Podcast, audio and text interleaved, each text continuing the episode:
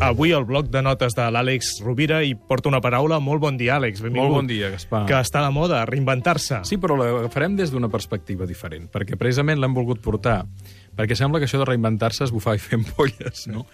Eh, la paraula s'ha posat de moda.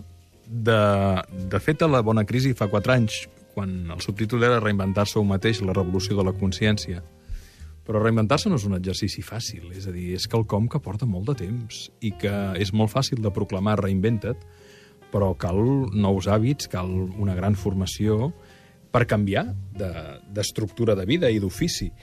Fixa-t'hi que ho hem parlat moltes vegades, Gaspar, la, la regla de les 10.000 hores o dels 10 anys, o dels cicles naturals, també, doncs, de 7-8 anys. No? Totes les tradicions espirituals definien, fins i tot l'astrologia, defineix els cicles naturals en blocs de 7 anys, no? I realment podríem dir que eh, sofrim canvis significatius cada 7 anys. És en aquest, en aquest termini de temps el que un s'ha de preparar per eventualment reinventar-se. No?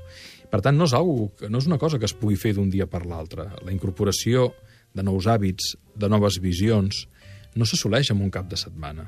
Tu pots fer un molt bon taller, un molt bon treball que t'obri finestres, que et faci un petit canvi en les teves estructures, però el canvi estructural en la manera d'entendre tot un mateix, a l'altre, la vida, la posició existencial, el teu sistema de valors, sobretot, com dèiem, la incorporació de nous hàbits, requereix perseverança, requereix paciència, requereix treballar-s'ho molt. Uh, tens, un, en aquest sentit, un text eh, sí, senyor. de Nietzsche que és més que un aforisme, parla de l'ofici d'escriure, però es pot extrapolar a qualsevol altre. I és meravellós. I, i d'alguna manera fa una reflexió molt certa del que suposa desenvolupar un ofici. Diu Nietzsche, la recepta per esdevenir un bon novel·lista és fàcil de dir, però l'execució pressuposa qualitats que no es tenen en compte quan s'afirma «jo no tinc prou talent». Mira de fer 101 esbossos d'una novel·la, cada un dels quals no més llarg de dues planes, però amb tal claredat que cada paraula sigui necessària per si mateixa. Escriu anècdotes fins que les puguis dir de la manera més plena, més eficaç, més senzilla. Recull caràcters i tipus humans. I, a més, explica anècdotes i escolta't explicar-les. Fes com un pintor paisatgista i dibuixant de costums. I, finalment, reflexiona sobre els motius de les accions humanes. Cap acció és petita. Instrueix-te en tot aquest camp i col·lecciona tots aquests hàbits. Amb aquesta múltiple exercitació, deixa que passin 10 anys i aleshores el teu talent sortirà a la llum.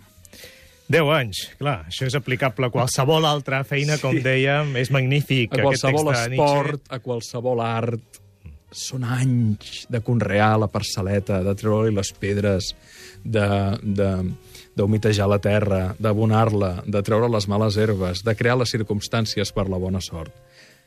Crear una, conrear una parcel·la, per petita que sigui, emocional, espiritual, intel·lectual, vol temps. Reinventar-se, o sigui, una bona paella no es fa en dos minuts. Necessites temps.